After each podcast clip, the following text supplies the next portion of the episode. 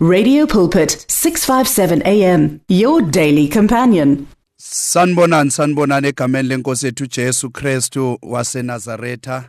Sibonge sibingelele kakhulu kubalalele emakhaya egameni lika Jesu Kristu.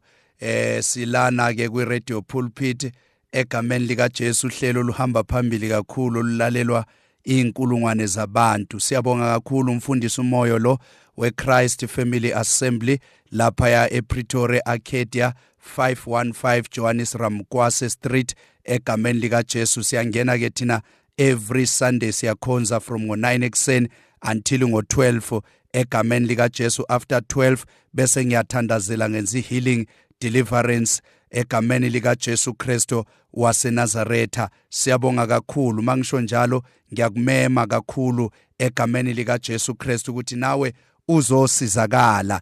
Ngiyayithemba ke inkosi. Ngiyamthemba uNkulunkulu ngoba ngibonile abantu abaningi baphilisa abanye banikeza ama breakthroughs egameni lika Jesu Kristo nawe ke ungaphuthelwa every Sunday silapha yana ePretoria phakathi eArcadia Hotel okanye Arcadia Center eh 515 Johannes Ramkwase Street.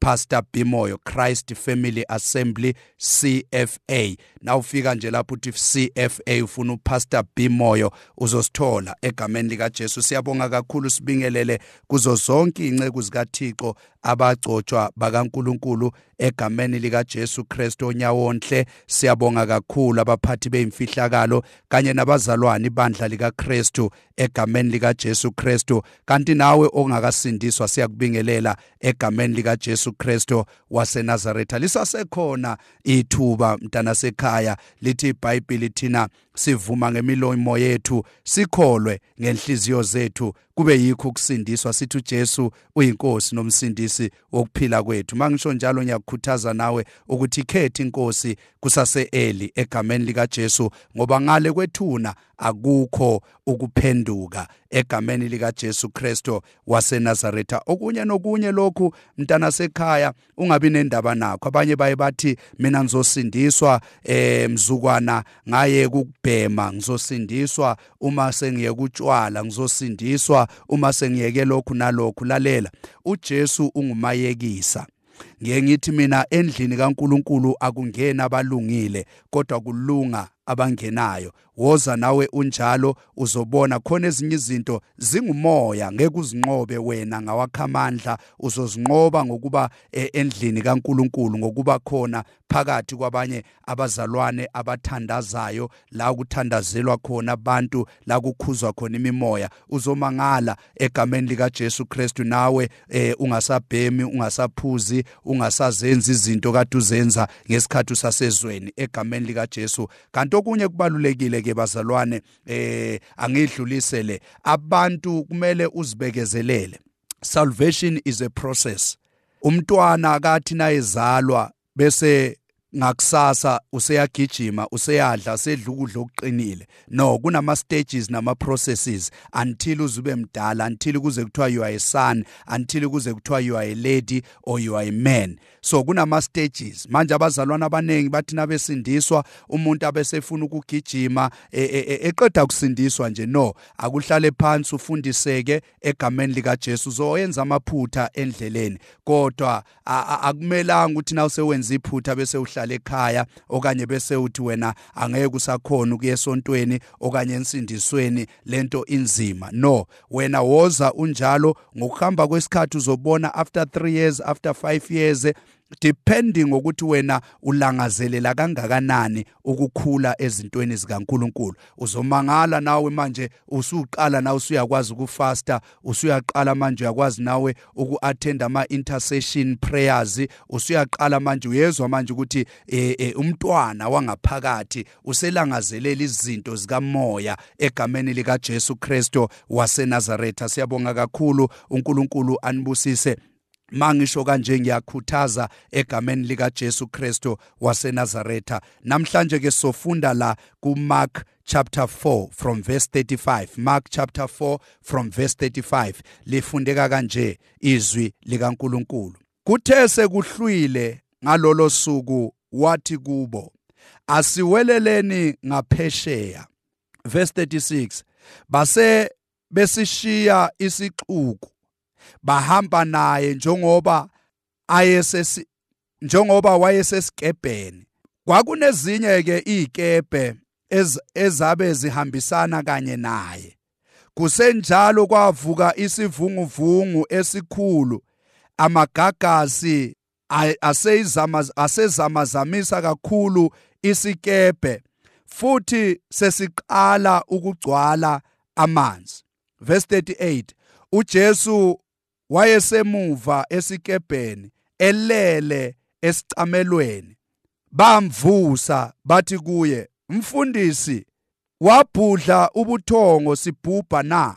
Verse 39 wayesevuka wakhuza umoya wathi kulo ulwandle thula uthi du. Umoya wawusuthula kwaba nokuthula okukhulu.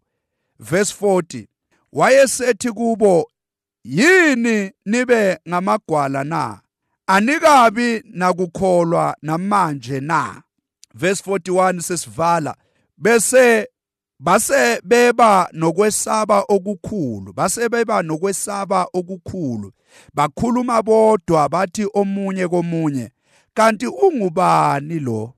Lokhu ngisho umoya nolwandle kuyamlalela na now balalele emakhaya la esifunda khona namhlanje lithi iBhayibheli uJesu ukhuluma nabafundi bakhe. Uthi madoda ake siweleleni phesheya ngoba uJesu uzokhumbula mlalele ekhaya ukuthi bekungumuntu kade engahleli ndawonye. Ubevakashela ama cities okanye imizi yonke ubeyivakashela. Engafanisa nje ngithi njengoba sila ePretoria uJesu ebefika emamelodi asebenze adlule. Aye kwaNdebela asebenze adlule. Aye Witbank asebenze adlule. Aye Jenfest asebenze adlule. Aye Liphalale asebenze adlule. Aze Soshanguve asuka angene eSoweto.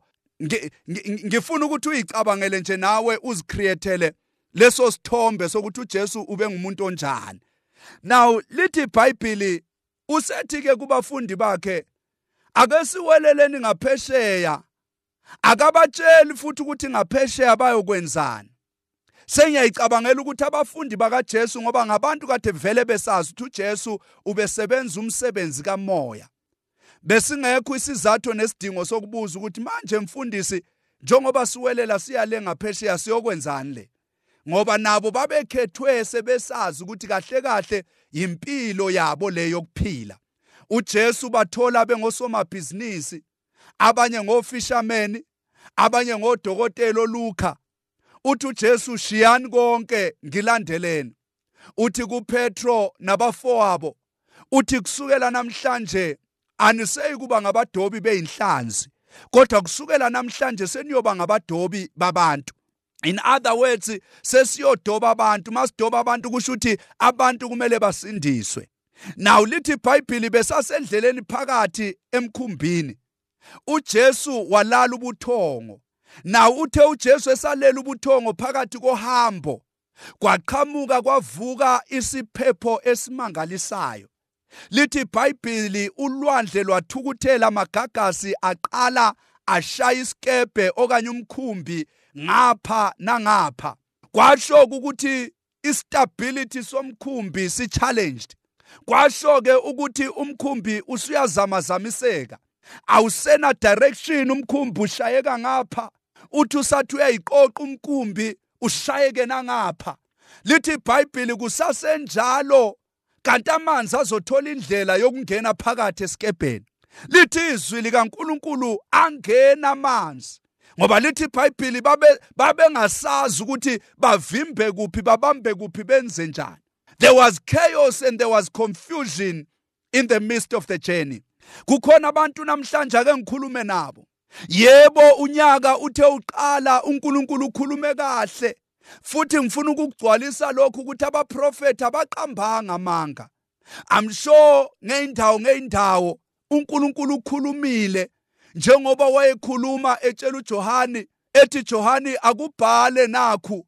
Uzokhuluma nengilosi yebandla elithizeni uyinikeze nawo umlayezo? Nabafundisi njengoba unyaka uqala nabo banikeziwe umlayezo. That is why when uzomangala uthole kuleli bandla kunomlayezo othi this is the year of divine intervention. Abanye bathi this is the year of victory. Abanye uyabona nje kithi thina umoya ingcwele wakhuluma wathi this is the year of abundant harvest. Abantu bazovuna isivuno esikhulu. Kanti abantu futhi kuzoba nesivuno esikhulu embusweni kaNkuluNkulu abantu bayosindiswa. Now lokhu ngisho ngamasibomo abanye bathi this is the year of favor. Ngamanye amazwi ibandla nebandla linengilosi yakhona. Naw i-instruction nayifika ithi bhala uthi kwingilosi yakuleli bandla. Naw ngikhulumela kulabo abathi mfundisi kukhulunyiwe kwathiwa this is my year of prosperity. Kwamenyezelwa nami ngakholwa. Njengoba uJesu etshela abafundi bakhe athi madoda siweleleni ngaphesheya i'm sure kwakungekho phakathi kwabo. Owabona isidingo sokuthi abuze uJesu ukuthi njengoba siwelela siyale ngaphesheya phakathi nendlela kukhona yini ingqinamba? Kukhona yini izimpi zendlela? Akekho phakathi kwabo owaba nombuzo ukuthi endleleni kukhona yini ubunzima esingahlangabezana nabo Jesu? Now lithi iBhayibheli into eyayisiconfuse ukuthi uJesu ukhulumile wathi asiweleleni ngaphesheya kodwa kunezinto angazange abatshele zona la. uJesu akabatshela ukuthi phakathi endleleni kuzoba khona isiphepho. uJesu akabatshela ukuthi phakathi endleleni kuzoba khona iconfusion. uJesu akabatshela ukuthi phakathi endleleni ukukholwa kwabo kuzothestwa. uJesu akabatshela ukuthi endleleni hey umkhumbi uzongenelwa ngamanzi. Kukhona abanye namhlanje njengoba ngikhuluma kanje nawe sewuze uyadawutha amazwi. Akhulunyiwe ebandleni lakho. Nawubuka isimo sempilo yakho. Ubona isiphepho kuphela. Nawubuka isimo sempilo yakho. Ubona ungenelwa ngamanzi endlini. Nawubuka isimo sempilo yakho. Ubona amagagasi eshaya left right and center. Nawubuka isimo sempilo yakho. Awukwazi ukubhalansa. Subathe uzama ukubhalansa. Ngaphi gagasi lishaya umkhumbi? Umkhumbi ushone nawe le nawuthi uyabambelela. Ngala igagasi lishaye nalo.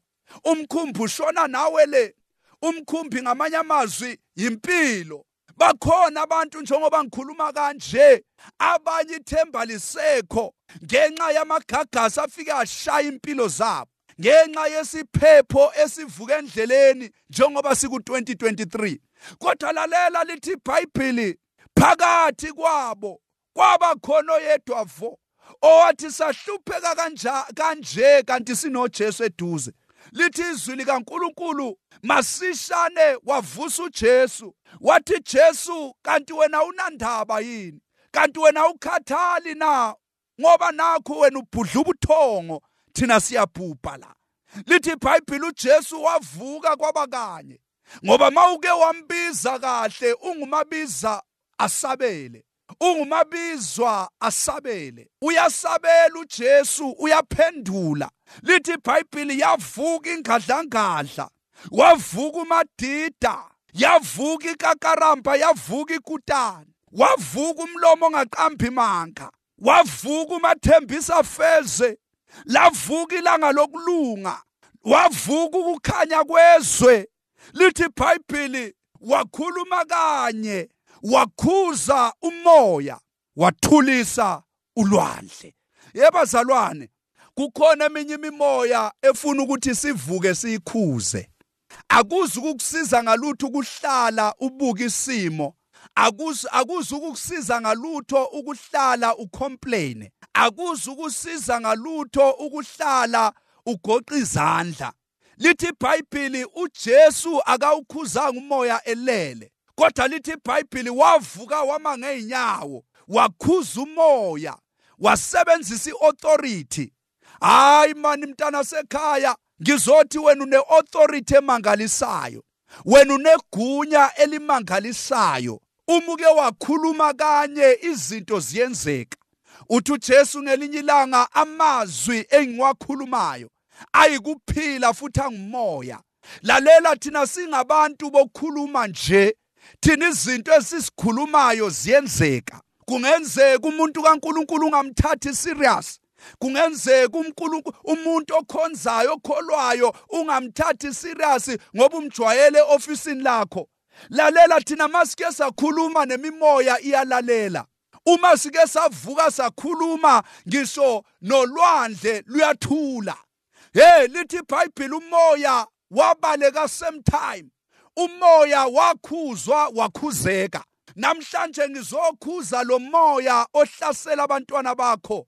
Moya wehunga moya wehigh blood moya kashukela moya omubi wedementia moya wesifo samathambo. Ngegama lika Jesu ngizokhuza leli demoni elintshontsha imali la ekhaya. Subathe uyahola kodwa imali awuyiboni ukuthi yapi namhlanje ngiyakhalima ngegama lika Jesu ngithulisa nolwandle ngegama lika Jesu ngithi kusukela namhlanje at the sound of my voice noma yisiphi isimo esikuvukelayo namhlanje siyathula. Isimo seyimali namhlanje ngiyasikhalimela. Ikolodo namhlanje ngiyayikhalimela. Usuphila ngomashonisa wena. Lo moya ngiyawukhuza ngiyawukhalimela. Ngegama lika Jesu Kristo waseNazaretha abantwana bashadwa la ekhaya abantwana bashadi la ekhaya. Hayi kwenze njani? Kunalomoya osuqoba ithambo wajwayela lo moya osuhlasele lomndeni lomndeni awusayiboni nedirection.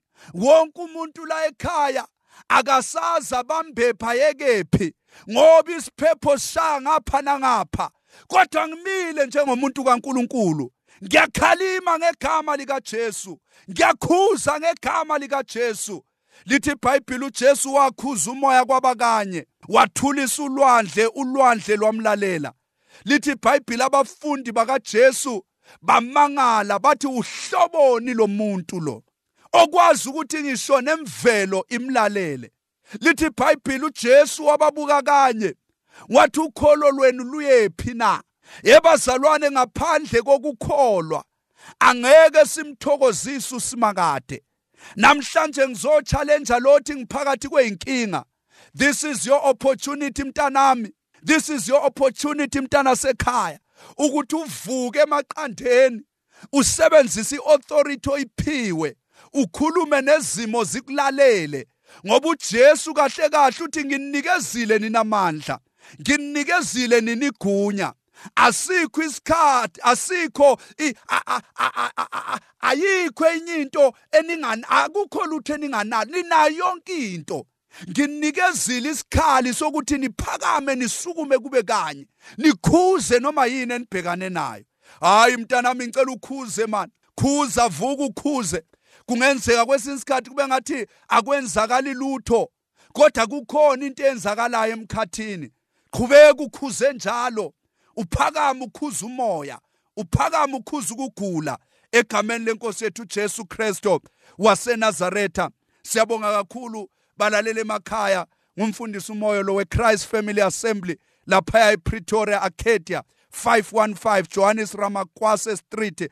Arcadia Hotel silapho sikhuza imimoya sikhalimela amadimoni sihlanganisa imndeni egameni lika Jesu Kristo waseNazaretha. Mina ngiyakholwa nesakho isimo. Siyamlalela uJesu. God bless you. The words of the Lord are words of life. Your heart is on 657 AM 657 AM radio for believers in action